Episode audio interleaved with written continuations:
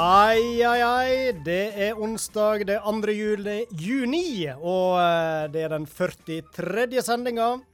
Og eh, det er faktisk òg sommeravslutning i dag, Thomas. Hurra. Og her sitter vi i korta bukse og T-skjorte og koser oss med sandwich, og vi har brus, og det er twist, og det er bare velstand. Bortsett fra At, Vi- at uh, ja, vi mangler en vesentlig kar i studio.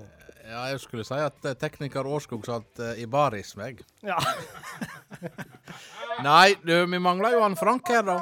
Det gjør vi, men uh, vi hører Ja, litt, er da. eh, litt aktivitet i bakgrunnen. Og Frank, eh, han vet vi jo, han har et eh, lite embete. Han er aktivt med i fotballen i Stryn. Og det er jo kjempebra. Og i dag da måtte han være med og fullføre en fotballkamp før han kunne komme i studio. Er du med oss, Frank Hoel, likevel, på linje? Ja, ja, ja. Det jeg biter meg merke i, kjære programleder, det er at dere har is i dag. Ja, og den ligger og smelter i ditt fravær. Jeg jeg er der om ti minutter. Det er for seint. Lunka brus og uh, halvsmelta is. Nei da, den ligger trygt i fryseren og venter på deg, Frank, så atlet ikke. Men hvordan går det i kampen? Hvem spiller, og hvordan er stemninga? Eh, Dette er guttelaget til Stryn, eller førsterevisjonslaget, som spiller sin første seriekamp i år. Så det er nå litt stas, bare det. Ai. Og det er mot uh, Måløy. Nå er Måløy i angrep her. Den Faen. Der skåra de. Det er ikke lov å banne på radio, men eh, Yes! Nei, men dette var jo suksess. Det hadde jeg med på uh, direkte inne i sendinga, Frank. Det var jo god stemning og eh, baklengsmål. Stillinga, da. Ja, nei, vi leder 2-1 nå. Ja, ja. Vi leder 2-0 før den kom, så vi har et mål å gå på. Men det er da fire-fem minutter igjen. Så Og nå blir det litt nervepirrende. Ja, Da passer det Men det godt å snakke i telefonen, da. Nei, men du får styre guttene inn til en eh, trygg seier, og så er det bare å Ja. eh, spurte i studio så klart så snart du er klar. Resultatet kommer etterpå. Etterpå. Etterpå. Tusen takk for en Strålende. kamprapport. Den er god. Den er god! Han ble litt eh, skjelven nå, han Frank. Ja, vi hørte det var banning på direkten òg. Det er selvfølgelig fy-fy, men eh, vi skjønner det er engasjement når en Og det betyr vel at det er åpna bitte litt nå, da, for uh, fotball eh, litt på tvers av eh, kommunegrenser. Ja. Er, er ikke målet, er ikke det en annen kommune, da? Ja, det kan vi vel trygt si. Det Ja. er jo Kinn kommune. Kinn, ja. Nei, men det er bra. Fotballen ruller, og Frank òg, hadde jeg så nær sagt. Han er iallfall med, og snart er han med oss i studio. Men vi kan jo begynne så smått. Det er jo som sagt siste sending for våren denne sesongen. Så gjenstår det å se om det er siste sending for året. Men eh, nei da.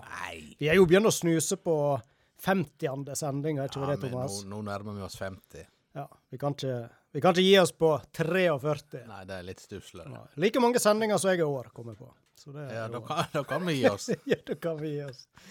Ja, vi har ei flott sending i vente. Da har vi, vi har spennende gjester som vanlig. Vi skal blant annet til Eid. Ja, det skal vi. Kveldens eh, Vi kan vel kalle hun hovedgjest. Eh, Hun heter Oselie Henden, og hun er nå ei jente som har talent eh, både for sang og skiskyting. Og sånn så kombinerer jo hun sport og spas på en framifrå måte, og er jo en perfekt gjest til vårt program. Og I sendinga tenkte jeg at vi, vi må nå prøve å finne ut om denne tidligere MGP junior-vinneren, og om hun da etter tre år på landslinja i Stryn, er det skiskyting eller er det Songen hun kommer til å satse mest på nå framover? Eller kanskje er det noe helt annet hun har peila seg inn på? Skisynging. Skisynging. En ny øvelse. Kanskje. Så det blir kjekt å ha med 18 år gamle uh, Oselie Henden. Men så skal vi ha med to blad Flo. Intet mindre. Vi skal til Sogndal og snakke med Per Egil Flo. Ja. Han Han hadde vi på tråden her for eh, ja, det er vel fort en måned eller to siden. det var i mars. Det var i mars, ja. Og da visste ikke han hvor han skulle eh, fortsette karrieren etter Lausanne i Sveits, men eh, han er nå kommet på plass i Sogndal, og vi skal ta en bitte liten prat med han og høre hvordan ståa er der nede. Så skal vi òg snakke med onkelen hans, han Håvard. Han har jo et aldri så lite jubileum i år. Det er 25 år siden han ble dansk cupmeister. med AGF Århus. Og vi mimra litt eh, om tiden både der og i andre klubber. Ja. Han var vel bare to år i Danmark, men eh, så vidt jeg eh, husker, dette er jo tilbake på første halvdel av 90-tallet, så hadde jo han stor suksess der, og han skårte masse mål i forhold til tallet kamper, iallfall, og var vel, forlot vel Danmark som helt. Han eh, forlot Danmark som en helt, og han er vel eh, helt nede i Århus enda vedru. Mm. Så det blir hyggelig mimring med han Håvard Flo. Og så er det jo òg gledelig i sesongavslutninga at vi har klart å lure fram på eh, studiopoeten vår, sjølveste. Atle Rake, han har levert kvalitet igjen. Og jeg tror han òg er inspirert av årstida vi er i akkurat nå. Så det, der får vi en godbit litt uh, seinere i sendinga. Så jeg er litt usikker på om han Frank, da. Vi har ikke fått prata så mye med han i dag. Så uh, om han har et ord og uttrykk, det gjenstår vel egentlig å se. Det får vi se.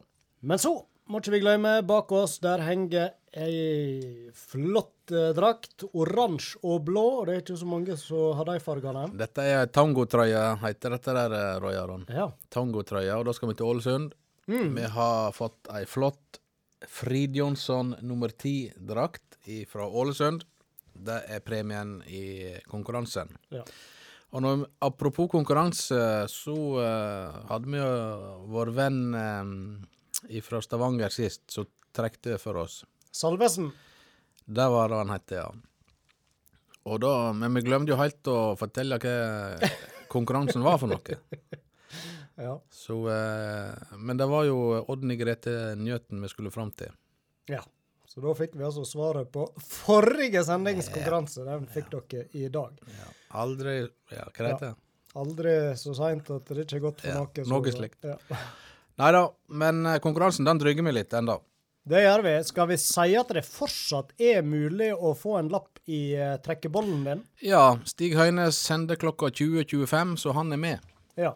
Jeg tror vi lar det gå enda en stund. La oss si vi eh, Ja, vi holder det gående helt fram til vi trekker Ja. mot slutten av sendinga, vi. Ja. Så, så sant du ikke hører podkast nå, så har du alle muligheter å vinne deg ei flott Ålesundsdrakt. Yes. Yes, yes. Da tror jeg vi har fortalt uh, litt om uh, ja, det vi trenger å fortelle om dagens sending. Så håper vi han eh, Frank Hoel snart er på plass i studio. Imens så spanderer vi litt tid på vår fantastiske sponsor. Å skaffe nye kunder til bedrifter kan være en krevende jobb. Hei sann. Eh, ja, nei, jeg, lurte nå bare på om jeg kanskje kunne få lokke med et lite tilbud, eller Nysalg kan for mange oppleves nesten litt skummelt. Det er som regel kjekkere å kontakte de du allerede har en lang og god relasjon til. Ja, nei, altså, grunnen til at jeg kontakter deg, det er at jeg har et utrolig fristende Men heldigvis har du Innovation Support som kan gjøre jobben for deg. Siden starten i 2012 har de bidratt til hundrevis av nye kunder til hundrevis av bedrifter i Norge. I tillegg er de et viktig springbrett inn i arbeidslivet for unge og nyutdanna. Hallo, jeg heter Helge Barrat Johnsen og driver Innovation Support. Jeg sponser Sport on Spas, ikke fordi jeg er så god i sport sjøl. Karrieren min var stort sett benkeslitt på Oppstryn sitt fotballag og et forsøk på å starte en basketballklubb i Stryn. Men akkurat som Frank, Thomas og Roy Aron ønsker jeg å løfte fram de som virkelig kan noe. Sjekk ut innovationsupport.no. Nei, men ikke vær så vanskelig, da. Nei, men kom igjen, da. Å, come on! Sist vi snakka med han eh, Per Egil Flo, det var tidlig i mars. og Da satt han i Lausanne i Sveits, og framtida den var fortsatt litt uh, uviss. Og vi her i studio vi spekulerte noe hardt i om det kanskje kunne bli et uh, Sogndal-comeback. Men uh, Svarene fra Per Egil det var vel helst av den diplomatiske sorten. Men nå, knappe tre måneder seinere, så sier vi igjen god kveld til deg, Per Egil. Og nå er det iallfall ingen tvil. Du er tilbake i Sogndal-drakta. Det stemmer. Nå eh, Det ble, ble en retur til slutt. Det lå vel litt i kortene, men det, det tok litt tid før det ble offisielt. Ja, kan du røpe til oss, visste du allerede da i tidlig mars at eh, det var dit veien gikk, selv om du var litt hemmelighetsfull? Eh, jeg visste vel ikke om det, om det ble. Jeg visste bare at det var samtale, og at eh, ja, vi prøvde å få det til. da. Mm. Og nå har du jo allerede fått lagt bak deg Er det to kamper? Ja. Ja. Og da må nesten fortelle litt. Hvordan var det å entre Fosshaugane igjen? Nei, det var veldig artig, det. Det, det var kjekt å være tilbake, og eh, tøft, men kjekt. Det, det har nå vært to tøffe kamper med lite poengfangst. Vi la jo merke til, Per Egil, at du fikk eh, kapteinsbinde allerede i første kamp. Ja, det Jeg var vel egentlig veldig overraska. For det, jeg fikk ikke noe beskjed i forkant. Jeg lå bare på plassen min da når jeg møtte opp til første kampen. Ja. Så eh, det kom som en overraskelse, ja. Men du, eh, vi kan vel si at du har greid deg noenlunde bra i kampene, vel, selv om eh, poengfangsten har vært heller mager? Ja, det har nå gått sånn noenlunde. Det, det har vært slitsomt. Det, selv om en eh, har kommet fra et antatt høyere nivå, så eh, det litt mer, var det litt mer tut og kjør og litt, litt mer springing fram og tilbake. og det, det kjentes på kroppen. Og nå venter vel eh, ja, ganske solid motstand i kampene framover, stemmer ikke det? Jo da, det, det er vel ingen enkle kamper. Så det, det er Nå blir det bare å ja, kjempe det en kan for å så kare med seg eh, noen trepoengere. Én seier, veit du, så er det plutselig oppe på kvalik. Slik er det i Obos-ligaen. Ja, det, det er vel fort opp og ned, men det, en må nå prøve å være stabil. sant? Eh, De ikke rykker ifra altfor masse, disse i front. Ja, men det kan vel se ut som Fredrikstad har et uh, solid lag, uh, selv om de er nyopprykka. Ja, de har gjort det bra, de. Det er nå òg fort når en har kommet i den flyten at det, det, det fortsetter. Så det er nå all honnør til dem. Så får vi se hvor lenge de hvor lenge de holder det gående. Nå måtte du jo gjennomføre en karantene når du kom til Sogndal, og veldig få treningsøkter. Har du kommet deg i har, holdt å har du kommet deg i hus og pakka ut av eh, kofferter og bager og pappbørser? Jeg holder fortsatt på. Det, det har vært sene kvelder de siste dagene. Det er mange ørser som må tømmes. Og vi har nå eh, Kona er nå høygravid, så vi prøver å få, få unna litt før eh, nestemann kommer. Riktig. Det, In ingenting er som å flytte midt i høygraviditeten. Det kjenner vi til. Så det Ja, nei, det, God timing. det, det er ikke å anbefale. Nei, men dere har vel gode hjelpere. Vi snakket jo litt om det sist òg, at eh, det ville jo være bra å komme litt nærmere familie. Og det har dere kanskje merka allerede. Ja da, det, det hjelper veldig. Så det, vi, vi har allerede fått besøk eh, hjemmefra. Så har vi nå, har jeg noen svigers her da, som eh, hjelper oss òg veldig masse. Så det, det er god hjelp. Det er bra. Og så er du kommet tilbake til et lag som har eh, mange sterke fotballnavn på ryggen. Flo er jo sterkt, det vet vi, men det er òg kommet til både Solskjær og Bakke og litt forskjellig. Der er vel òg eh, Er det Ingebrigtsen? Eh, Nei. Solskjær og Bakke er det nå i hvert fall. Ingebrigtsen. Bjørneby, tenker Nei, tenker du på? Bjørneby! Bjørneby, beklager. beklager. Har ikke så langt fra Bjørneby. Ingebrigtsen. Nei. Ja, Ja, nei, hvordan er de det- karene å spille med, da? Nei, det er fine unggutter. De, de jobber på. og De har store navn å leve opp til. Men eh, ja, de er jordnære og de jobber godt. Så fortsetter de sånn, så er det mulig de lever opp til navnet. Ja. Vi skal jo snakke med onkelen din, han Håvard, litt seinere i kveld. Jeg vet ikke om han eh, Han har vel ikke sagt at han skal på Radio Stryn, det er vel ikke så Gått å trippa i hele dag. ja. Jeg, jeg har ikke, har ikke snakka med han de siste dagene. Vi har en liten pause nå når det er landskamper. ja. Og da har vi vært gravd ned i ørsa, så det, det har ikke vært så masse sosialt.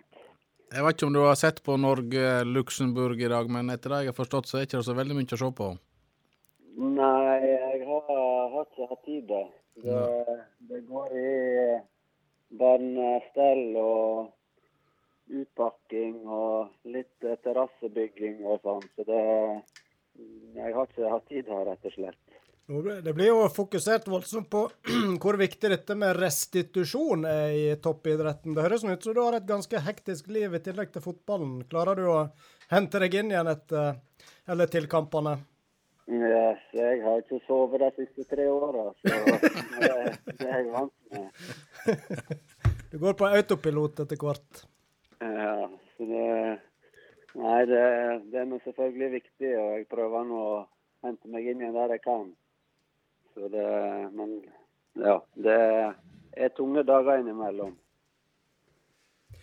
Men eh, det er vel eh, en eh, fin tid å være fotballspiller nå med det flotte sommerværet som har kommet tidlig i år. Så er det vel ikke den verste idretten å drive med nå. Nei, for utenom på kampdag når det er 27-30 grader, da, da er det noe varmt.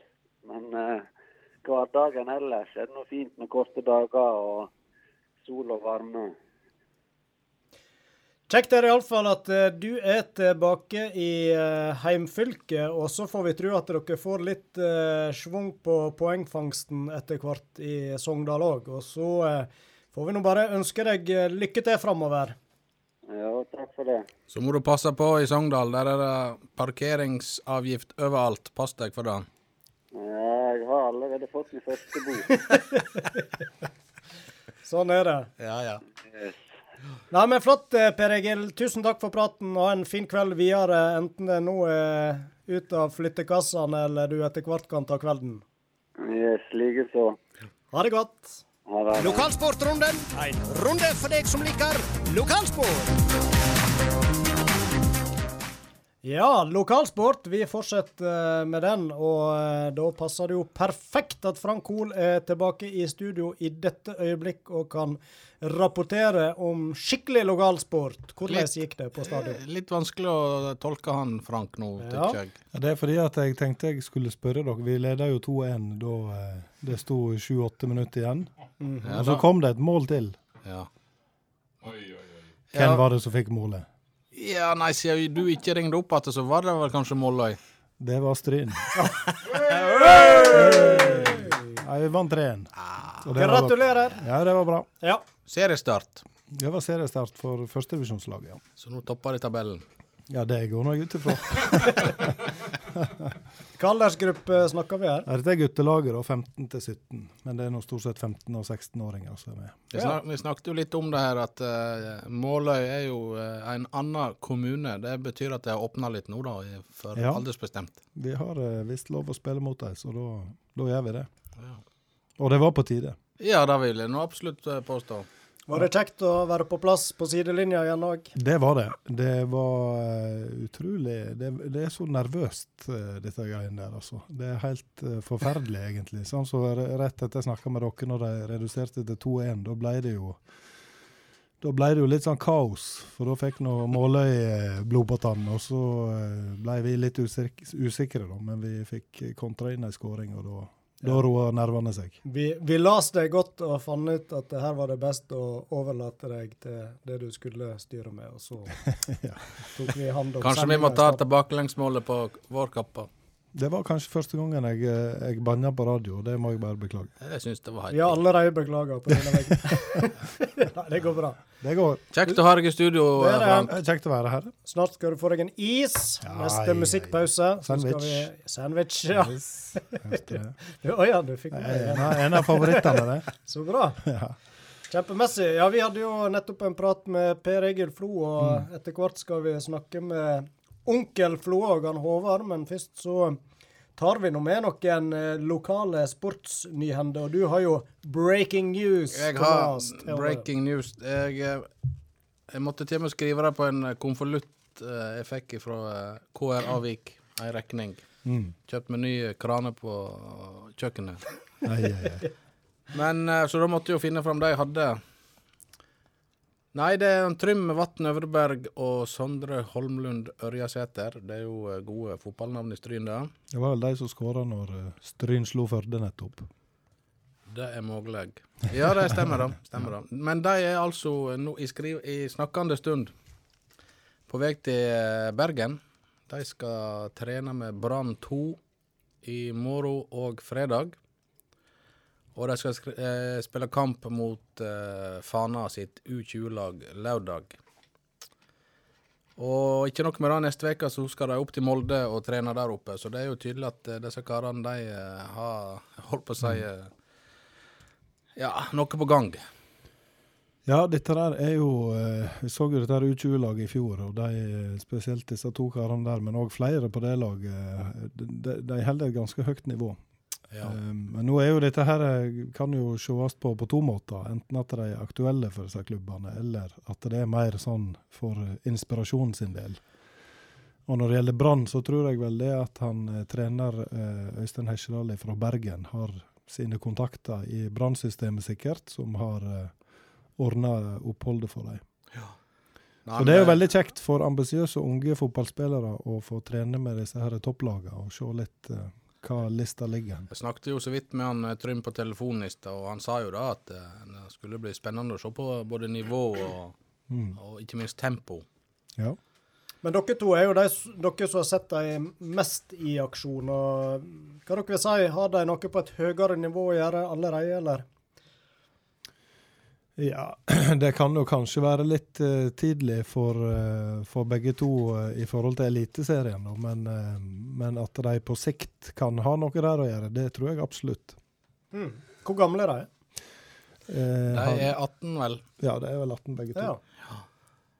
Nei da, så det, det blir spennende å se, da. Og, Da blir vi eh, oppdatert as we speak på uh, den o store privatlandskampen Norge-Luxembourg, og det er jo en uh, rysere. Ja, det vil jeg si det er en uh, høydere i uh, Fotballverden. ja. Men det var ikke, det var ikke stor nok kamp til at vi flytta sendinga denne gang. Nei. Det kan, du, det kan du banne på. Nei, no Norge vant 1-0, eh, får vi opplyst av eh, tekniker Årskog Braut. Og, men det var Jeg får lyst til å si det skulle nå bare mangle. Ja, det Men, var, eh, det var Og det, var, det målet kom to minutter på overtid. ja, ja. Så dette Ai, der- ai, ai. Dette snakkes vi mer om. Nei. Ja, det kan vi godt snakke mer om. Det er ingenting i lokalsporten å gjøre. Beklager. Ja, da. Men, eh, Luxembourg hadde den største sjansen før pause. Hadde? Norge hadde ikke ett skudd på mål. Nå kan vi returnere til lokalsportmagasinet. Yes. Nei, men eh, oppsummert eh, når det gjelder disse to karene, Reasæter og Øvre Berg, så blir dette spennende å følge videre. Og Mm. kjempekjekt og sikkert inspirerende for lagkompiser òg, hvis de kan eh, komme seg videre på et høyere nivå. Ja, absolutt. Hadde du mer òg uh, i Nei, det var jo? Frank, du Når jeg fortalte at jeg hadde breaking news, så hadde jo du noe som ikke jeg hadde fått med meg. Eh, ja, eh, vi har noen flinke fotballjenter i klubben vår her i Stryn.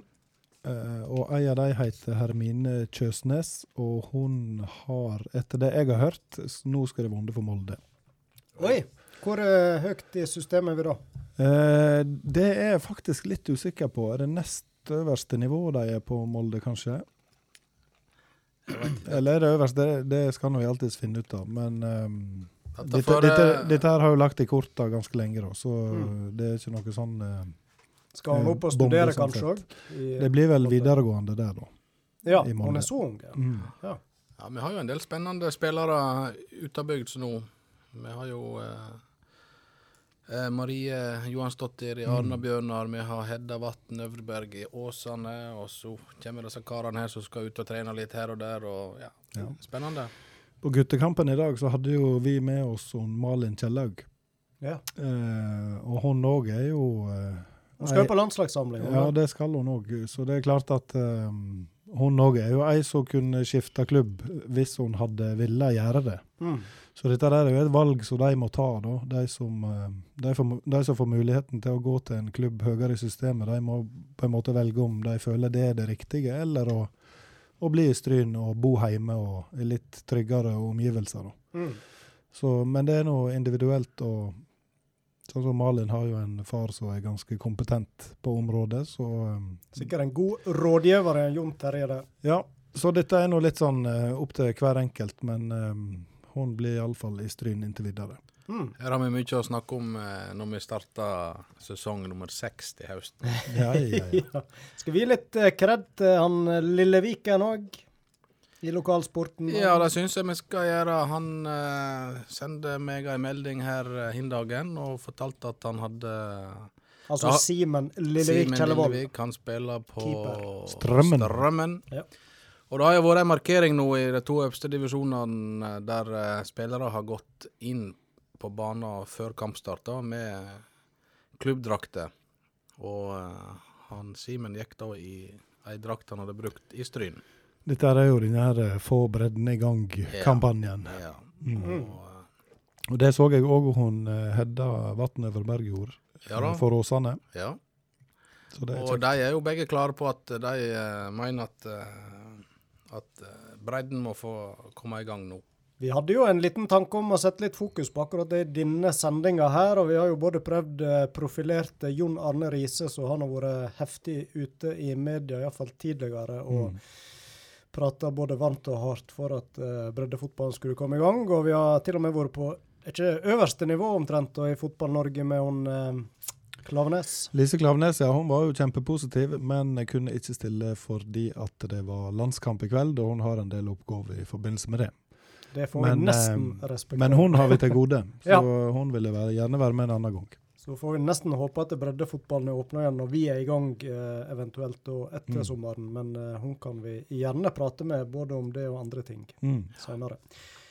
Veldig bra. Da Har vi én ting igjen i ting att, ja. lokalsporten. Ja. Det er Maren eh, Hjelmeset Kirkeeide og Steffen Melheim, høvesvis skiskyting og friidrett, diskos, har fått 10 000 i stipend fra idrettsfond Sogn og Fjordane. Ai, ai, ai. Vel Blir det nye ski og preppe for hans Sigbjørn Tyrkeide, tenker jeg. Ja. Kanskje det blir ny disko, og jeg vet ikke hvor stor slitasjen er på Ja, det- diskos. Jeg vet heller ikke prisnivået på en diskos. Det kan vi. Gjettekonkurranse. Da kan han Ove få finne ut. Så er det jo litt sånn vi snakker, da. Om det blir en eh, sesong til og ikke. Og jeg og Thomas vi sier vi er jo begynt å snuse på 50-tallet, og det er jo noe som lokker med det og sånt. da. Så er det jo noe vi har diskutert tidligere, at det hadde jo vært litt interessant å visst hvor mange er det som faktisk hører på programmet. Vi har eh, strengt tatt liten anelse om det, iallfall utenom podkast. Det er jo mange som hører på FM-bandet. Så vi prøver med en liten sånn lytteundersøkelse. Vi drister oss til med det. Hvis alle som nå sitter og hører på, kan spandere et smilefjes og sende det til han Thomas Taule på mobilen og Hva er telefonnummeret ditt? Da får vi en litt sånn følelse med Er det noen som er med oss? Og send om du hører på podkast òg, så får vi med det, rubb og rake. det skal ikke sende på Messenger, da, du. Er ikke det enklere å bare sende til et mobilnummer, Send til 918 48 797. Det må du gjenta. 918 48 797. Da har vi en liten markedsundersøkelse. Bare å sende et smilefjes eller en tommel opp, helt enkelt, så vet vi om dere er med oss, og om dette er verdt å fortsette med. Sport og spas. Like underholdende som ei god sklitakling. Rim med rake.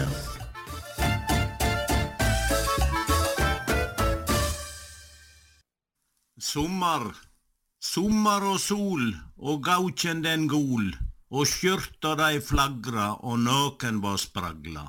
Jentene bada i stampen, og ute på bøna beita gampen. Kledjen den beit, og kjetta satt og dreit. Eit yrande liv alle rundt seg hiv. Dette må vi nyte, nå er det slutt på å klage og kyte.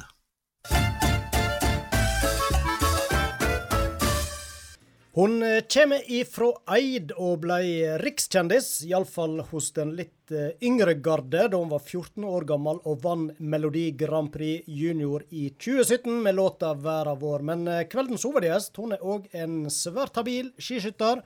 Og de tre siste åra så har hun vært elev ved landslinja i Stryn. Og da ønsker vi deg velkommen i sendinga, Oselie Henden. Tusen takk. Ja, eh, kanskje vi kan starte med det siste først. Eh, Du er jo nå i ferd med å avslutte eh, tida ved Stryn videregående. Er du i mål med eksamenstida?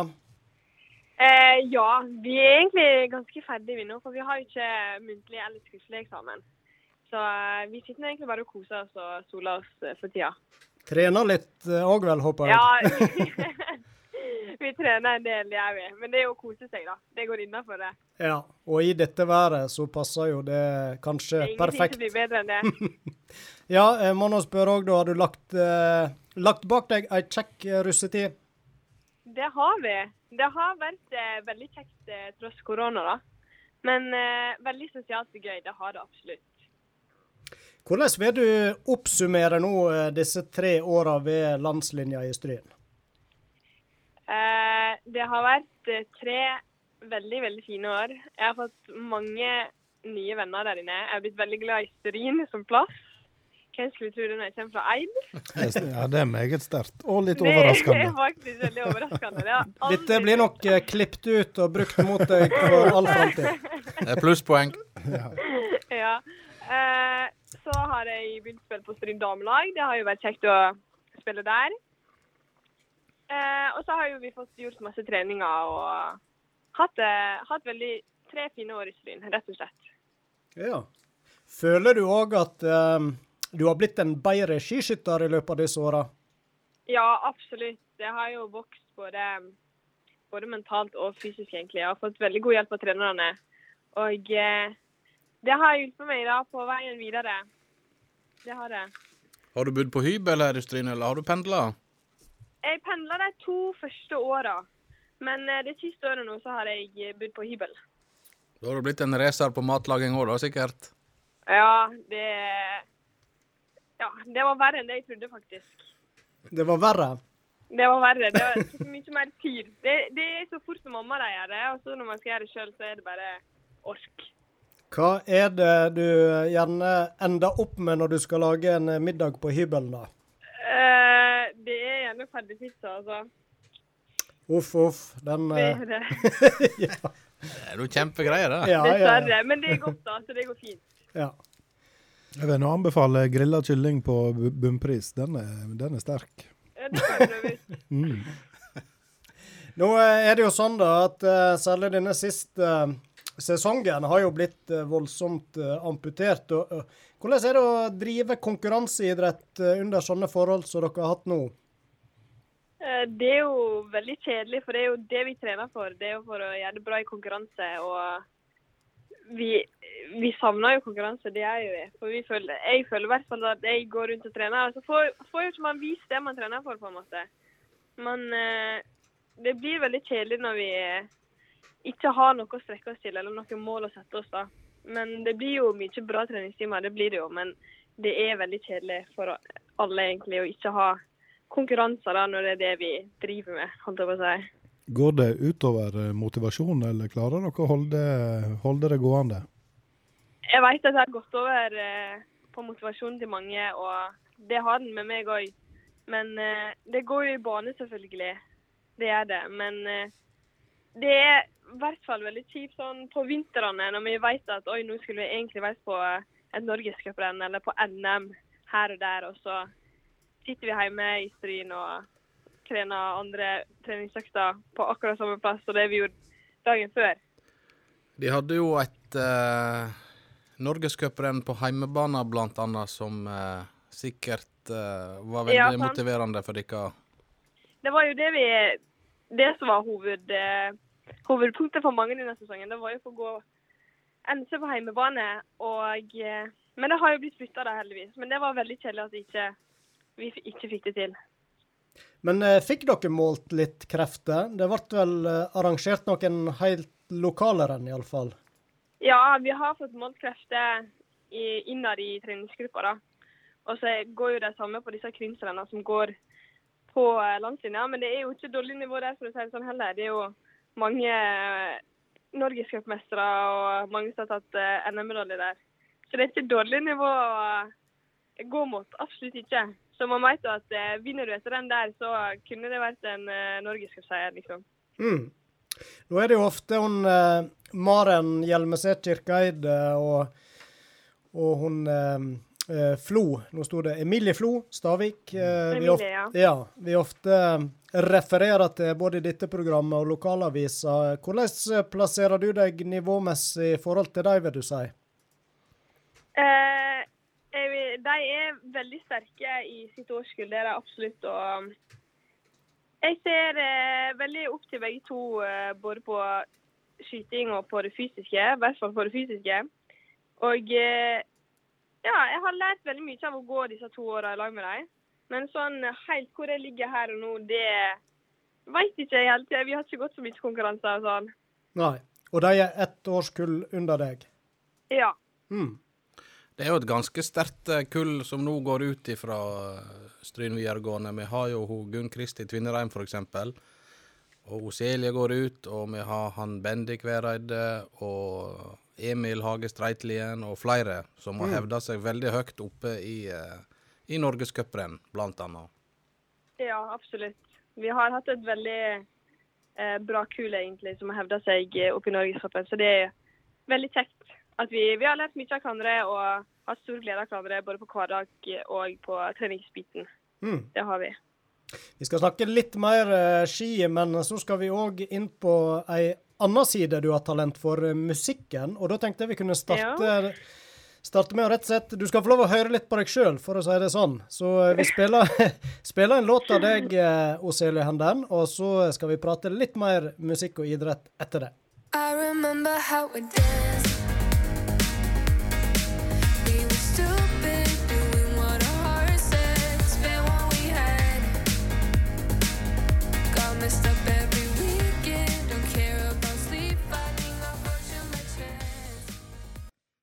No Getting Over You heter låta der. Og eh, vi har jo med oss artisten sjøl, Oselia. Eh, med fare for å bli privat der, er det litt sjølinspirert der? Eh, det er faktisk ikke det, for det er ikke jeg som har skrevet den låta der. Det er kun jeg som synger på den. Så det handler ikke om livet mitt, rett og slett. Nei. Hvem som har skrevet Nei. den? Eh, det er en manager av meg som heter Mats, som har skrevet den i lag med noen andre.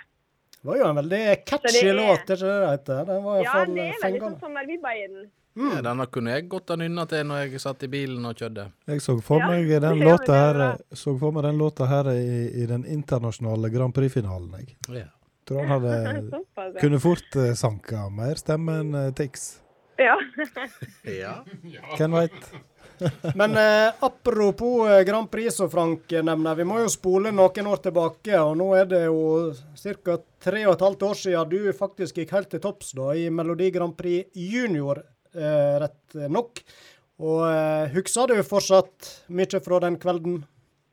Eh, ja, det gjør jeg faktisk. Men eh, det begynner å bli en stund siden, da. Jeg har ikke tenkt at det er så lenge siden, faktisk. Det var bra du minnet meg på det. ja. Tida går fort. Fjor, fjortis, var det da? Ja. Det må ha vært stort for en fjortis fra Eid å bli Ja. rikskjendis. ja her, det er jo det største, var det største jeg eh, kunne oppnå da og da når jeg var mindre. Det var jo å vinne MGP. Mm. Og du, du vant året etter to andre eidere vant, gjorde ikke du det? Jo, det var én ganger to der. Ja, det er jo ganske utrolig. Det var jo veldig spesielt. Ja. Så de satt jo bare i 2018 og venta på å innkassere den tredje seieren ut på Eid, men det gikk vel Ja, ikke helt men det gikk ikke. Nei. så hvis, Det er eh, kanskje bra, det. ja. hvis Eid hadde tatt hat trick der, så kunne vi bare lagt ned Stryn. Oi, oi, oi. Men du, eh, hva har, hva har det betydd for uh, satsinga di på sang, uh, Osele? Det at du faktisk gikk til topps der? Det har selvfølgelig betydd eh, veldig mye. Det har åpna veldig mange dører. Og eh, ja, det har gitt meg mange muligheter som de fleste ikke får, da, rett og slett, for å være helt ærlig på det. Og de somrene Jeg var jo på turné den desemberen etterpå i en hel måned. Og så kom sommeren, var på norgesturné overalt. Hadde mange var på mange festivaler, mange konserter. Hadde to om dagen nesten. Og så hadde jeg en ny turné, og så har det egentlig bare fortsatt. Så det har jo selvfølgelig gitt meg utrolig mange muligheter. og har gitt meg et plateselskap og et management. og Jeg var veldig heldig, rett og slett. som eh, fikk lov å være med på det, og i tillegg vant. Og så gir det kanskje litt kjærkomne lommepenger òg for en student. Ja, det, det er godt å ha nå, i hvert fall. Når man kun lever på et hybel. eh, hybelpriser. Det, det betyr kanskje at du kunne unne deg mer enn en Grandis til middag? Ja, Gått ut og ete hver kveld. Men hvordan eh, har vilkåra for å lage musikk og drive med den eh, hobbyen eh, vært mens du har gått på landslinja? Har det vært rom for den aktiviteten òg?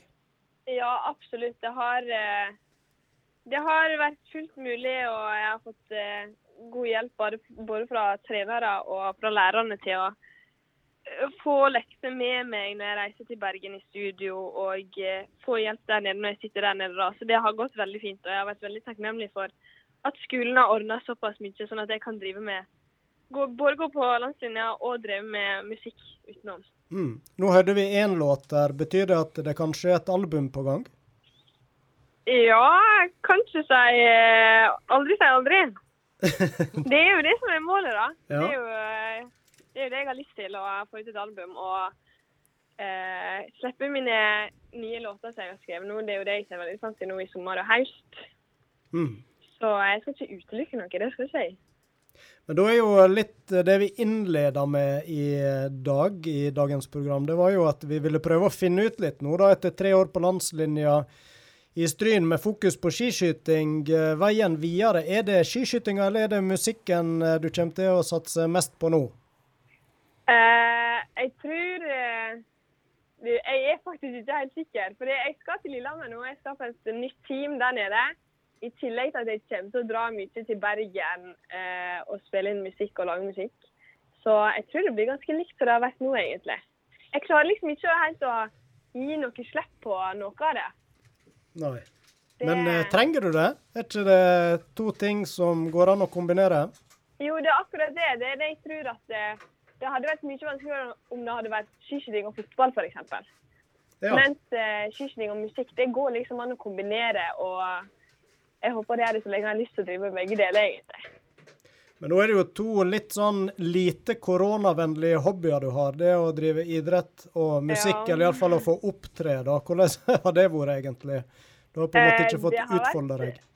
Ja, Det har vært dødskjipt, egentlig. Jeg, jeg har vært eh, min første sommer hjemme. Det var vel i fjor på to og et halvt år. Men det, altså, det er jo positivt, det er jo det. Men jeg kjenner det at jeg savner å gå på en festival og stå der og ha et publikum og gjøre det jeg liker best. Selvfølgelig savner jeg det, men eh, altså, alle, alle savner jo det, på en måte. Mm. Men det er litt, eh, det er litt dritt når det òg er jobben din, kan du kalle det. da. Det er det du jobber for. Det har vært veldig kjekt å snakke med deg, Oselie, og høre litt om eh, planene dine videre. Og så eh, hvordan tenker du nå da forlate gjengen i Stryn etter tre år i lag? Eh, Det blir veldig, veldig, veldig trist. Jeg eh, begynner å grue meg allerede at det er bare tre uker igjen. Men eh, jeg kommer til å holde kontakten, og jeg tror det kommer til å gå helt fint, egentlig. Ja, Så kommer du vel tilbake og holder en konsert og går ja. skirenn og Ja. Kommer tilbake til Stryn uansett. Det høres veldig bra ut. Da sier vi tusen takk eh, for en hyggelig prat, og så må du ha masse lykke til med både skiskyttersatsinga på Lillehammer og plateinnspilling i Tusen Bergen. takk. Ha Takk for at du kom med. Ha det. Ha det. Ha det bra.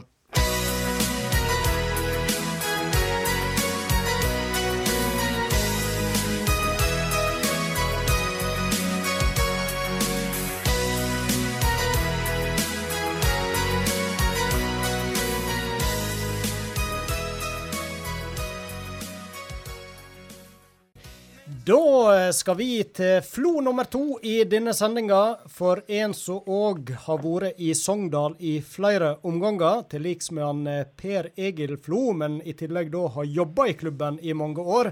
Det er deg, eh, Håvard Flo. God kveld til deg. God kvelden, god kvelden. Eh, vi tenkte jo eh, vi skulle mimre litt i lag med deg om noe som eh, skjedde for 25 år siden, tro det eller ei. Men eh, aller først, vi hadde med han Per Egil, som sagt, og må nå bare snakke litt om signeringa av eh, nevøen din. Eh, hvor fornøyd er du med den kontrakten? Nei, det, var noe, det er jo utrolig kjekt når vi fikk det til til slutt. Det var nå en del ting, praktiske ting og litt sånn i forhold til klubben der nede som skulle gå sammen. Men, men det var kjekt, og det blir jo artig nå å få Per Egil på laget nå og få forhåpentligvis få noen seire framover. Ja, hvordan er det å følge Sogndal nå? Det har vært litt eh, trå start. Føler du det fortjent de poengene dere sitter igjen med? Ja, det er klart eh, vi har kommet litt skjevt ut. Eh, Vi hadde jo ønska å være, være helt i toppen nå, men vi har godt mot. Vi har masse kvalitet i laget. Dessverre så har vi hatt litt for mye skader og litt sånn omveltninger i laget. Så vi har slitt litt med, med strukturen og ja, eh, de tingene der. Altså. Men jeg tror det vil, eh, vil snu etter hvert. Det gjør det, vet du. Vet, jeg sitter i studio her og er fra Sogndal, og jeg følger med, og det er ikke kjekt når det er to poeng. Nei, det, det er jeg helt enig med deg. Så vi lir litt nå, og det, det, det er ikke den kjekkeste starten vi har hatt, nei. Det som er så greit, er at Sogndal kommer alltid tilbake, vet du. Ja, vi pleier som regel det. Så uh, vi var nå uh, veldig uh, close i fjor. Det var bare minutter før et opprykk igjen. Sant? Men vi er ikke noe gode på kvalik, så vi får prøve å karre oss direkte opp i, i år, forhåpentligvis. Men du Håvard, er ikke det litt typisk Sogndal å komme litt sånn trått i gang, og så utover høsten så klatrer en på tabellen? Ja, det, det er nå litt det. Eh, vi har nå, vi har nå hatt noen sånne eh, mønster før òg, så eh, vi hadde nå en litt sånn trå start i fjor òg, husker jeg. Vi hadde nå bare seks, poeng på fem kamper i, eh, i fjor. Så, men likevel så kom vi litt tilbake igjen. Og, men det handler om å finne flyten, og ta jevnt og trutt poengene. Da, da tror jeg det at dette skal gå bra. Men eh, Håvard, vi lar Obos-liga være Obos-liga, og så tar vi rett og slett og spoler 25 år tilbake i tid. 1996. Da var du i Danmark og ble cupmester. Husker du det godt, eller? Ja, det, det er noen minner som sitter forever. Det. Det, jeg husker spesielt eh, tida nede i Århus. Eh, det var nå en litt sånn løgen inngang til hele greia. Eh, husker vi har nettopp rykka ned i Sogndal, og, og vi noe litt på hva vi skulle gjøre videre. Eh, jeg hadde nå vært i Sogndal allerede i fire år, tror jeg, fire sesonger. Så jeg hadde litt lyst til å finne på noe nytt. og og så plutselig så kom jo denne eh, henvendelsen fra AGF da, gjennom min eh, kamerat Jan Halvor Halvorsen, som spilte i AGF. ikke sant? Og tok den egentlig på strak arm, reiste ned og, og pang sa det, rett og slett. så det var noe det var noe litt sånn at jeg måtte klippe litt i armen. eh, For eh, det var nå en eh, fantastisk start og fantastisk reise. Jeg hadde to år der nede som var helt magiske. Så, så kombinert med en sølv var det det, og en cup, eh, og det var noe Ja. Det var, det var mye som som funka, for å si det sånn. Du står jo med 53 kamper og 27 mål, og det er jo Det må, må vel være respektabelt? Ja da. Det, det, men jeg spilte på et godt lag. da. Selv om jeg, jeg husker da jeg kom til, til AGF, da da var det litt sånn krise der nede. Da lå de tre sist. Um, og, men på det, akkurat på den tiden da jeg kom der, så kom det Stig Tøfting kom tilbake fra Tyskland. Tormod Piknik kom fra Liverpool. Pluss en del andre spillere som kom. ikke sant? Og, og plutselig så bare snudde alt eh, bokstavelig talt nesten på hodet. Eh, vi fossa fram og skårte mål og vant masse kamper. vi, når Fra å gå på tredje tredje sist, så var vi helt i toppen når, når desember kom. Sånn. Så det var så det var utrolig kjekt, da. Det var det. Men Håvard, til, til tross for disse her stjernene du nevner som kom tilbake, så, så ble jo du enormt populær i byen der, syns jeg å huske. Ja, det, det, det er klart at, eh, at eh, den, den, eh, den tida med alle spillerne som var der, ble jo huska. Det var jo en, en, en periode der som åresianerne var veldig glad i. Det er klart når, når du er spiss og skårer noen mål òg, så er det rart med det. Så, så jeg, fikk, jeg fikk veldig mye ros. Jeg fikk masse flotte relasjoner i AGF og i byen Århus. Så, og det har jeg fortsatt i dag. og og klubben òg er ekstremt opptatt av eh, tidligere fotballspillere som har markert der nede. Så jeg har nesten, eh, nesten ikke ord for det, eh, hvor flinke AGF og, og ledelsen er til å følge opp meg og andre som har vært med på en, reise der. Så det, er- det, det er utrolig kjekt, og du føler det veldig bedre, rett og slett. Jeg syns å huske det at eh, fansen der ville ha statue av deg, og ville ha deg til ordfører, eller hva de kaller det i Danmark. Ja, borgermester. Borgermester, var det? Ja, ja. ja. ja det, det, det er mye fleiping, og, og det, det er utrolig kjekt da, å, å sitte og høre litt på. Jeg har jo fortsatt masse kontakt med kall det gjerne fansen i AGF eller i Århus. og det, det, det er nesten litt for mye. da. Men eh, jeg håper at jeg får gjort meg en tur ned der. Jeg har prøvd nå i halvannet år med koronaen. Har, har stoppa det delvis. eh, så, men nå det, blir det litt artig å komme ned der òg, for nå har jo min eh, kompis Stig Inge Bjørnby han er jo sportssjef, ny, nyansatt eh, sportssjef Ja, der nede òg, så det blir jo litt artig det òg. Så, så det Nei da. Det er mye, mye, mye kjekke minner fra Århus. Men eh, Håvard, hva type klubb eh, var Århus, og var det en stor supporterskar, supporterskare, og hvordan var kampene? Ja, det er klart det var, hadde Den tida var der nede, da, så var det Brøndby som var relativt store. Og så hadde du eh, FC København. Men ellers så, så var det egentlig Århus eh, ved siden av deg da, som virkelig hadde tyngde i både klubb og alt mulig. Ikke tilskuerskarene. og Vi spilte på Århus stadion. Det var det, det, det er jo en stor stadion sant, som fyller 25 000, og sånt, men eh, det var, det var relativt fullt hver gang. ikke sant? Og det, det hvite brøl, som de kaller seg. og De var jo der. Det, det er flere tusen. ikke sant? Jeg husker òg når jeg kom til Livande, skulle til sant? og spille der. for at Der var bare en vegg av supportere. Litt sånn som i Dortmund. ikke sant? Hele ene hovedtribunen, eller bak måltribunen. Det var jo bare gula til supportere. Så han var litt i Århus òg. Så det har en god eh, tradisjon på det med supportere og det å heie på laget sitt og stå bak eh, klubben og spillerne. Så det, det, en, eh, det, har, eh, det har en veldig fin fotballkultur i Danmark. Det har de. Men én ting er jo i medgang. eh, Hvordan var det i motgang? Nei, det er klart vi fikk noe pepper òg, så det holdt. Eh, Jeg fikk pepper, og alle andre òg som, eh, som spilte da. ikke sant? For det, er jo, det er jo nest største by. sant? Det er jo, det er jo eh, på en måte De har lyst til å, å være den største. sant? Så det er klart Når vi ikke innfridde, òg i den perioden jeg var der, så var det så var det skarpe, skarpe skyts mot laget og klubben og trenere og spillere. Så det var ikke noe kjære mor. Men eh, det gikk fort over. For at eh, vi, selv om vi datt på litt, eh, så, eh, så evner vi å komme litt tilbake igjen nå. da. Århus, eh, er det en merittert klubb i, i dansk fotball?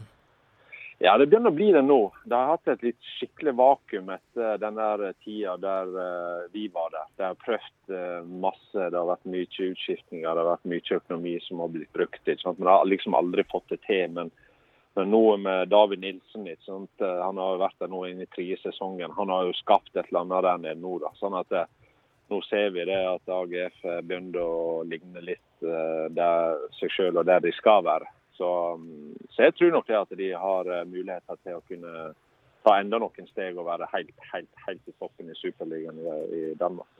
Vi må jo høre litt om cupfinalen som du eh, da eh, var en del av i 96. Og selv om du ikke kom på skåringslista, så mener jeg at du eh, hadde en målgivende, om ikke annet.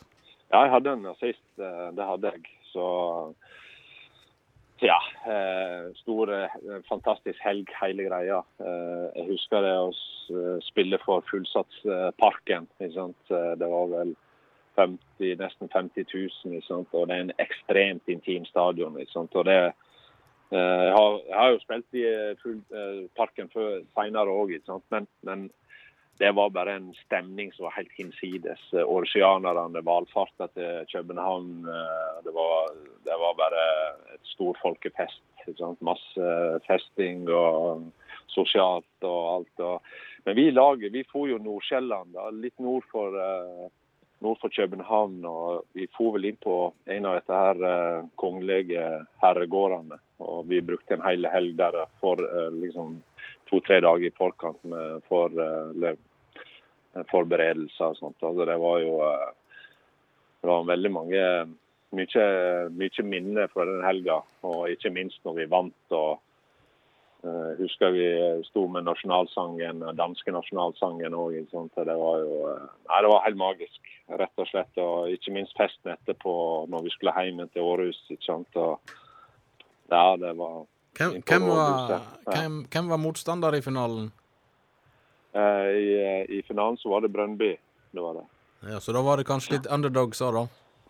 Ja, litt akkurat der og da så, så var vi relativt eh, sterke. Om vi var underdogs eller om vi var hakket hvassere eller Brøndby, det, det er vanskelig å si. Men, men eh, det ble nå en tett match sant, med Brøndby-fansen og oss. Sant, så det var, var en skikkelig folkefest. Det var det. Du nevner, Håvard, at du pga. korona så har det vært en stund siden sist du var tilbake. Men eh, bruker du å besøke byen og laget sånn med jevne mellomrom siden du var der? Ja, eh, spesielt Danmark. og det fordi det er relativt nærme oss òg. Men, men eh, det er jo litt sånn når du er fotballspiller at, eh, at du, du er i en klubb en periode, og så reiser du videre. Ting blir litt utvatna. Og så, så tiden går nå. Fotballen er jo ikke sånn at, eh, at relasjonene varer liksom for evig. Det må du jo pleie hele tida. Så, men eh, spesielt i Århus, der har vi mye venner. Sant? Vi har, eh, vi har nærhet, veldig nærhet til klubben der. Sant? Så, så da var det naturlig at du, du reiser litt nedover dit. Så, så hver gang jeg har mulighet, så, så vi, en tur nedover der. Så blir litt mindre i Tyskland og litt mindre i England. Eh, Men eh, dog, eh, det er noe artig å besøke de òg innimellom. Ja, du har jo vært i store og større klubber etter du var i Danmark med både Werder Bremen og Wolverhampton, men Mm. var disse to åra i Danmark litt ekstra magisk? Ja, det var nok det. Det var nok liksom det kicket som, som kom. ikke sant? Det virkelig for å være hva skal jeg si, spille for de større arenaene. Ikke sant? Eh, Ikke noe galt med, med tippeligaen som vi spilte i Norge og alt det der, men du kommer jo til en ny kultur, nytt land. Eh, Mye større forhold på alle måter. Eh, Bymessig, publikummessig. og så det var, det var nok eh, kombinert med at vi hadde suksess lag òg. Så var det jo eh, så var det jo en utrolig eh, flott periode. Og jeg vil nok tro at det sånn karrieremessig på det sportslige og sånn, så var det, det var det ultimative. da. Sånn. Vi spilte jo internasjonal fotball òg i magiet i Europa. ikke sant? Så, så det var Nei, jeg må nok si det at det var nok, eh, det er nok noe av det heftigste. Eller noe av det bedre som jeg har vært med på. da. Det var deilig å være norsk i dansk toppfotball. Ja, det var det definitivt. definitivt. Og Det er jo liksom den kulturen i Danmark òg. Vennligheten, åpenheten. ikke sant? Og, og den der, eh, der med, med livsstilen. ikke sant? Eh, Vi fikk jo nesten litt sånn sjokk når vi kom ned der. ikke sant? Vi er jo strigla og liksom eh, Men danskene de eh, fyrer av gårde. Og er det, er det barnedåp, så er det full fest. Så det, så det er jo så det er jo helt annen kultur enn vi er vant med. Men du blir jo vant, blir litt vant til det, og du setter jo veldig pris på det. ikke sant? Det er utrolig sosialt den eh, folkeslag. og og det, og det er liksom det å sette seg ned på en kafé sånn, midt på dagen ikke sant, og ta deg en kald bayer. Sant. Det er jo liksom OK, gjør vi det? Nå klokka er jo bare ti. eh, Klokka er jo bare ett på dagen. Ikke sant. Vi kan ikke det. Ikke sant. Men det, det er kulturen. Sant. Pinlig som har kommet til himmelen, vet du. Ja, det er jo det. Så det er jo, eh, det er jo noe som eh, du kan fort venne deg til. da. Sant? Så, og det var jo klubben, da, liksom i forhold til, i forhold til um, fotballen òg. I, forhold til det med sosialt og det med, det med å kunne kose seg. Jeg husker vi satt i garderoben når vi har vunnet, så satt vi der nede i boblebadet alle sammen. Og med Carlsberg i hånda og bare kosa oss og slappa av. Så det var jo det var jo mye, mye flott eh, sosialt og alt det der òg med å være i fotballen i Danmark. Det var det. Det var vel et litt eh, strammere regime når du var i Tyskland, jeg tro. Ja, Tyskland da var jo litt sånn eh, Det var nå litt sånn eh, eh, På en måte litt sånn en step opp da, i forhold til på mange ting. da. Seriøsitet og ordning. og Det var litt sånn Det var veldig sånn Tyskerne er jo veldig sånn Det er ikke noe som er overlatt til tilfeldighetene. Liksom. Og det men allikevel så så vi òg aspekt i fotballen i Bundesliga. Ikke sant? Når jeg var der, ikke sant? at eh, ja, Dieter Eils han kunne sitte bak i teambussen og spille poker med Marco Bode og, og, og, og fyre noen fegger. Ikke sant? Eh, Det var no problem. Ikke sant? Og, og, og en bayer på Eller en øl òg på, på bordet ikke sant? bakerst i bussen. Så det, så det var jo eh, Det var en tid som var jo litt sånn eh, bohemaktig òg, da. Vi fikk lov til å være litt sånn eh, kjeltringer, litt sånn eh, Ja, litt utenfor. Ikke sant? Men, men det, det har nok blitt spissa til voldsomt nå i nyere tid. Ikke? Sånne ting eh, er jo passé. Det, nesten, dessverre. Jeg kom, kom på en ting, Håvard. Du har altså vært proff i Danmark, Tyskland og England. Dette er jo tre land som er kjempeglade i pils. Er det Mm. tilfeldig? Nei, jeg gikk jo etter det, da.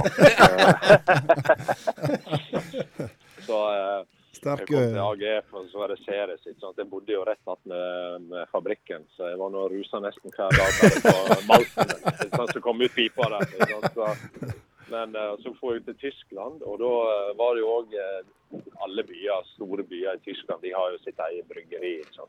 Så det hadde vi i Bremen òg. Så det var Men i England så var det vel ikke noe eh, sånne ting akkurat der. Men de var nå glad i øl der òg.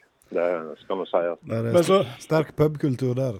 Enda opp Ja, med det, det, det, det, da fikk jeg litt sånn hakeslett, faktisk. Selv om at det, som jeg sa, jeg var i Tyskland og ting var litt liberalt. Ikke sant? Du kunne være litt bohemaktig og drikke litt øl eh, etter kampene på teambussen og alt sånt. sett. Men i England så var det sånn at det var fyrte det av gårde i lunsjen. ikke sant? Og, og det, var, det var ikke bare en kos på to-tre, det var jo hele arsenalet. ikke sant? Så det var, det, det var masse, det var en forskjellig kultur å komme til England. da. Det var, det var litt mer uprofesjonelt, syns jeg. På mange måter. Men så ender hun opp med saft og sylte til slutt, da. Kanskje Ja, så kom vi tilbake igjen til, til bygda, som han sa. Så, Og det var nå òg liksom, i forhold til en karriere å komme tilbake igjen eh, til Sogndal, og, og der ting litt starta eh, etter Stryn. da. Eh, så, så var det jo Vi fikk jo lov å være med å forme klubben og ta klubben inn i litt den profesjonelle verden. ikke sant? Eh, så det er litt sånn vi fleiper litt av med Per Egil nå og kommer tilbake igjen. ikke sant? Men det er jo det som vi håper òg litt av Per Egil. ikke sant? For at eh, han òg tar en rolle der at eh, han tar med sin kunnskap, sine verdier, ikke sant? og bygger det videre inn i klubben. Og det, det er jeg helt sikker på han vil gjøre.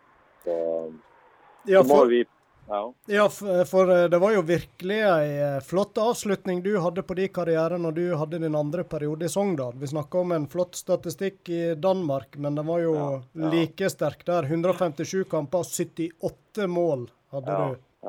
ja. Ja. Men det var eh, Jeg syns at den der første perioden min i Sogndal, det var jo sånn læreperioden. ikke sant? Uh, unge og Harald Aabrekk som trener. Uh, og det var nå det var nå en utfordring i seg For, begge, for begge to, kanskje. ja, for begge to. Men, uh, men jeg kom tilbake igjen og liksom, som jeg sa, eh, fikk meg å ta Sogndal eh, videre og inn i den profesjonelle verden. Og vi, vi hadde noe fantastisk 2003-årgangen. Det var en magisk årgang som vi hadde der. Eller en periode der. Liksom. Så vi, eh, vi, vi dansa rundt med Rosenborg på 16. mai på Lerkendal, liksom. selv om vi tapte kampen til slutt. da, men vi hadde, vi hadde noen, det, er, det er noen store, flotte minner fra Sogndal-tida og andre perioden da, utover. Og så er det òg noen mørke, mørke, mørke perioder som, som også naturligvis av og til følger med fotballen. Så, så det Nei, jeg har vært, jeg har vært veldig eh, prisverdig og, og heldig som har fått lov å være med på alt dette. Sånn, sånn. Og så, og så fikk du jo på en måte vel eh, nesten din tredje periode òg, for hadde du et par år pause, og så eh, plutselig var du tilbake igjen? Jeg hadde pause i to eh, Takka ja med brask og bram i, i, i 2008-sesongen. Etter 2008-sesongen, ja. Sånn aha-schwung over det, at en gir seg, og så kommer en tilbake og gir seg. Ja, ja det, var, det var jo full eh, Det var jo avskjed i kvalik da, på, på Color Line. eh, Sant? Eh, Og så tilbake igjen. Så jobba jeg i klubben da, i 2000, eh, et år etterpå. Og så, og så skulle jeg Aabrekken, vet du. Han var jo her. sant? Så sa han at eh, du Håvard, eh, nå, eh, nå er det på tide at du, du tar på deg skoene igjen, for nå, nå må vi rykke opp. så så sa han jeg, vi hadde nå, jeg, jeg og Harald var jo veldig tette, vi er jo tette da. Så, så jeg sa han, ja, men det, ja, det er du som spør, så er det greit. Men det er du, du får si det. jeg vil ikke si det sjøl. Så, men eh, så tok han min igjen, da. Så rykte vi opp i 2010. Og så, og så eh, husker jeg òg at, eh, at, at vi kom til januar måned, og så kjørte han meg hjem etter trening, da. Og så lurte han på du, Håvard, eh, du er ikke sikker på om du vil ta ett år til. Og så sa jeg nei, nå, må jeg, nå, nå, nå, må, nå er det stopp. Nå er det stopp, Harald. Så, eh, så da eh, så han, han prøvde iherdig å få meg med et år til, men det, det hadde jeg ikke noen ambisjoner for. Men hvor, hvor gammel var du da, Håvard? Hvor gammel var jeg da? Jeg tror, jeg tror nok det var 40-41 41 eller noe sånt. Yes. Ja. 40-41. Så- Men du avslutta karrieren i Sogndal da med et opprykk. Ja, jeg gjorde egentlig det, så det var veldig kjekt.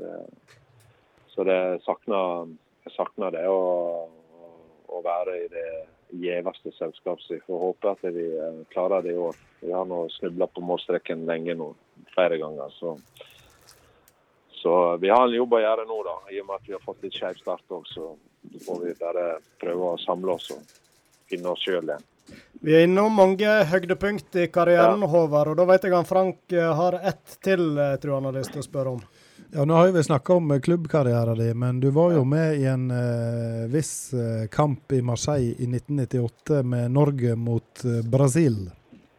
Ja, det, det er jo klart det er vanskelig å komme utenom det òg, når du snakker litt om, om det en har opplevd på fotballbanen. Og det er liksom 98-VM. Jeg, jeg kom jo egentlig eh, inn eh, i, eh, i varmen på en måte med drill og litt sånn lovlig seint. da. Det var jo godt i kvaliken, litt sant. Eh, jeg var jo i Danmark fort for til Tyskland og fikk den muligheten da med å være med. Ikke sant? Og gjorde det såpass OK, tror jeg, at drill Drillo han fant ut at han, han her må vi ha med oss til Frankrike. og det var liksom, tok jo skikkelig innersvinger på mange andre ikke sant, hadde forberedt seg, vært med i lang tid i kvaliken og alt sånt etter der. da. Så det var litt sånn eh, ja, eh, jeg trekte loddet, for å si det sånn. da. Eh, Det jeg ikke hadde regna med og, og ikke hadde forventa, det var at jeg skulle starte alle kampene i Frankrike. Eh, Bli en, en, en brikke i en elver. Eh, Men eh, dog igjen, det var jo en fantastisk opplevelse det å kunne få lov å representere i et VM, og ikke minst å kunne skåre et mål. Liksom? Og, ja, eh, målekrefter med de store stjernene. Ikke sant? Så, så jeg husker nå jeg husker når jeg bare nei, med, med Maldini og Iniesta. og Det, det var så Det var bare helt uh, uvirkelig, nesten. Så, så det var nå en eh, Brasil-kampen. Den var jo òg magisk. Det, Men tenker for, for oss som, eh, som fotballfans, så høres jo dette der helt absurd ut. Å spille mot sånne størrelser som dette der, og ikke minst Brasil-laget etter hvert. Men, men Ja var, var det en litt sånn feeling òg for, eh, for dere spillerne, at eh, dette her er, er drøyt å være med på?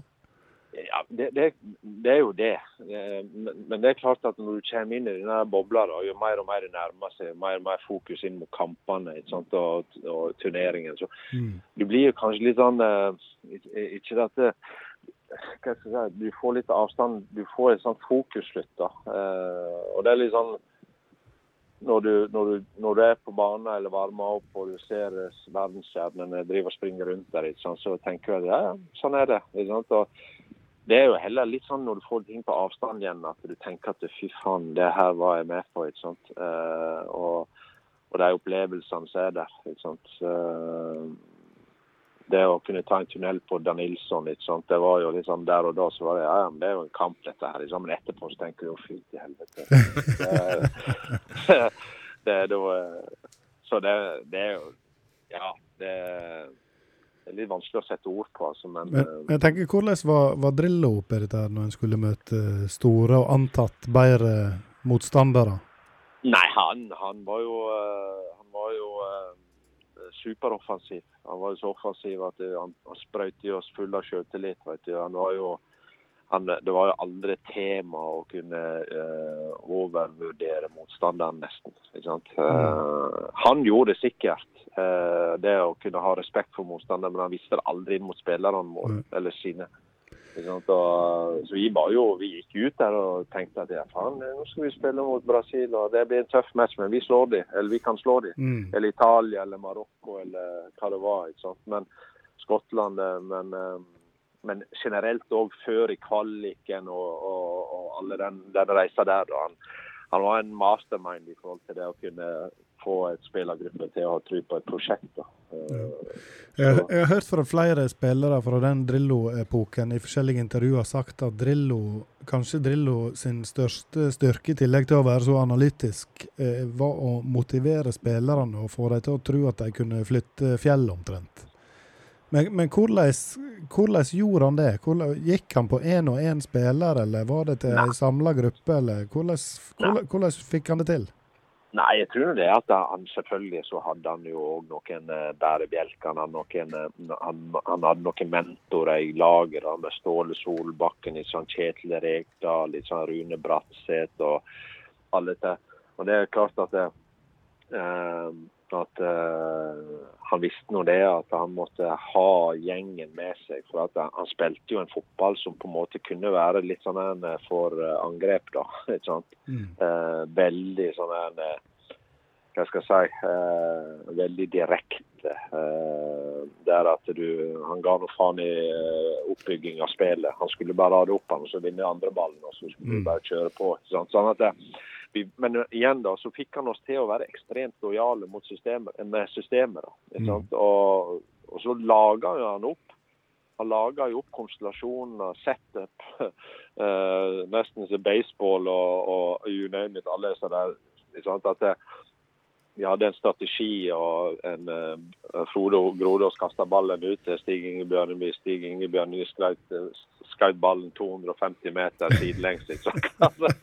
og så kom det en Jostein Flo eller Håvard Flo, og så uh, hoppa og søkte jeg kunne, og så nikka han langt, så langt jeg klarte. ikke sant? Mm. Så det var jo en veldig sånn en Og så hadde vi en mastermind i Tore André da, på den tida. Han bare gi Tore ballen, så fikser han det sjøl, nesten. Ja, ja. Eh, sånn at det, var jo, det var jo en herlig miks av forskjellige kompetanser i, i spillergruppa. Så, så det var jo, så hadde du Myggen ikke sant, som uh, surra rundt der ikke sant, og var våken på natten. ikke sant, Og så uh, spilte han fotball på dagen. ikke sant, så det, Røykte rullings og spilte ja, fotball? ja, ja, ja, ja. Så det var no problem. Så, men han, eh, han lot òg de som på en måte var litt utafor, så selv om eh, han ikke likte det, eh, kanskje han Egil, da, så syns han det at eh, nei, men eh, hvis jeg skal forlange så mye av disse, her, så må de få lov å være seg sjøl òg. Så, så, så det er nok nøkkelen. Eh, veldig, veldig fin sånn teambilde av han, eh, Egil. Det er han. Håvard, det har vært utrolig artig å mimre litt tilbake på ei innholdsrik karriere. og Vi skal runde av her, men eh, jeg har lyst til å bare spørre deg til slutt. Når du, når du nå ser tilbake på disse åra vi har vært delvis eh, gjennom her, etter at du forlot Stryn stadion, og hvor, eh, hvor fornøyd er du med det du fikk utretta med fotballskoa? Nei, det er klart. eh, Alle har vært veldig, veldig fornøyd. Utrolig fornøyd. Eh, Kunne ikke håpe på halvparten, på en måte, eh, når det først starta. Men det er klart at når du, når du, når du har en 700 overlapper med Harald Os som trener, sånn så er det utrolig utrolig hva du kan klare å få til.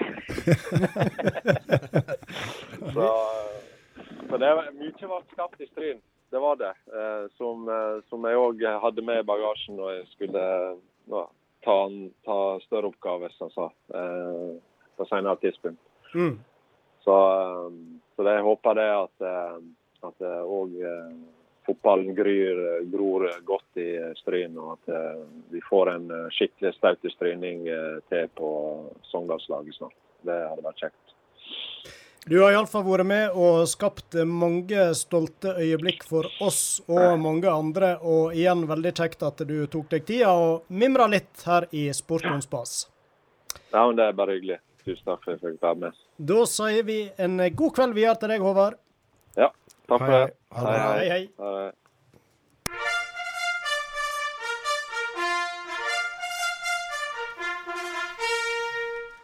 Jeg legger merke til at de vi prater med fra Sogndal, ofte er ute og spaserer. Jeg tror han Håvard var ute og gikk. Ja, jeg hørte dere biler i bakgrunnen. Ja, Eirik Bakkov var ute og Nei, gikk. kanskje det er fordi de er spreke, rett og slett. Jeg vet ikke. Ja. Meget eh, trivelig prat uansett. Jeg kom til å tenke på en ting Det der han Håvard hadde høydepunktet sitt, eh, selvfølgelig da de slo Brasil i VM. Det er ikke så mange som har vært med på det, faktisk, uansett eh, landslag. Eh, mitt høydepunkt har òg med Brasil å gjøre. Oi. For det var da han, eh, han Eivind Karlsbakk spilte på diverse aldersbestemte landslag. Og så skulle han til å reise på ei samling og spille mot Brasil. Og da eh, Jeg vet ikke om han hadde ødelagt skoene sine, eller hva det var, men iallfall så lånte han mine fotballsko. Og mine fotballsko var da med å spille mot Brasil. Så det var mitt høydepunkt. Litt i kontrast til han eh, Håvard sitt, kanskje. Ja, men høydepunkt er høydepunkt. Det Trenger ikke være så høyt. Nei. Lavt høydepunkt. Så det du òg har fått det, iallfall, eller om ikke du har fått det, men dine fotballsko har fått det og vært med på, det er jo slett ikke til å kimse av. Nei, det Nei. skal ikke du kimse av i det hele tatt.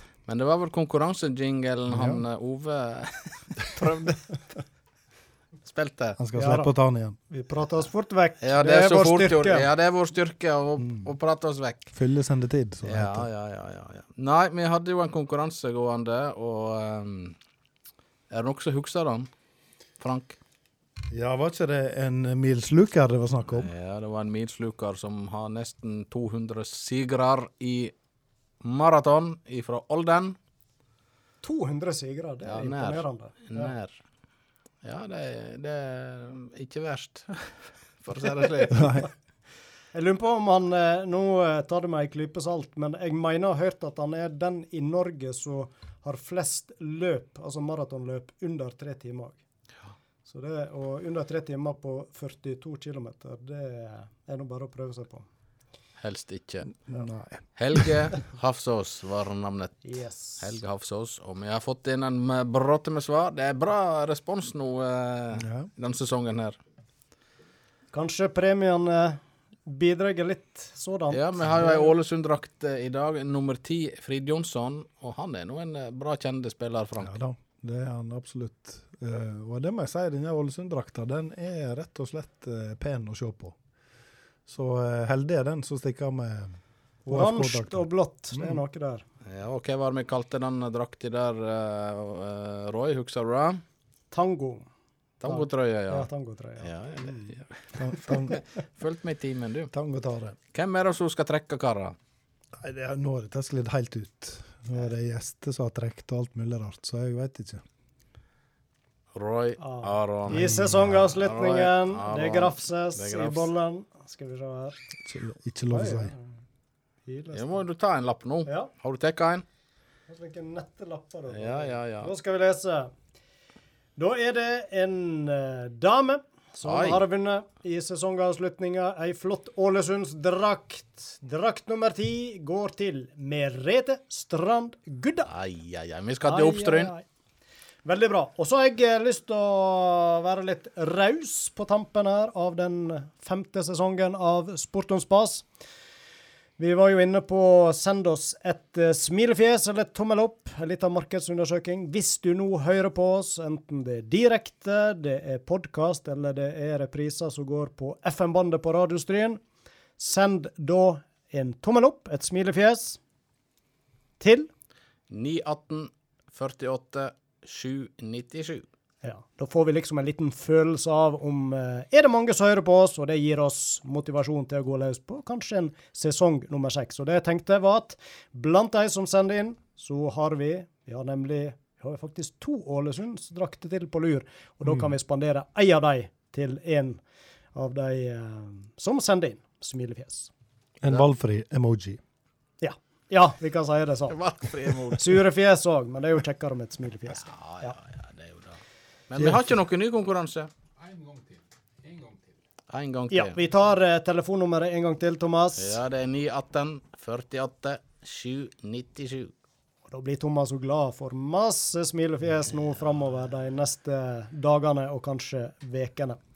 Og hvis, eh, kan jeg også si det at hvis eh, noen ønsker å slå av en prat med en hyggelig kar fra Sogndal, så kan de ringe samme nummer.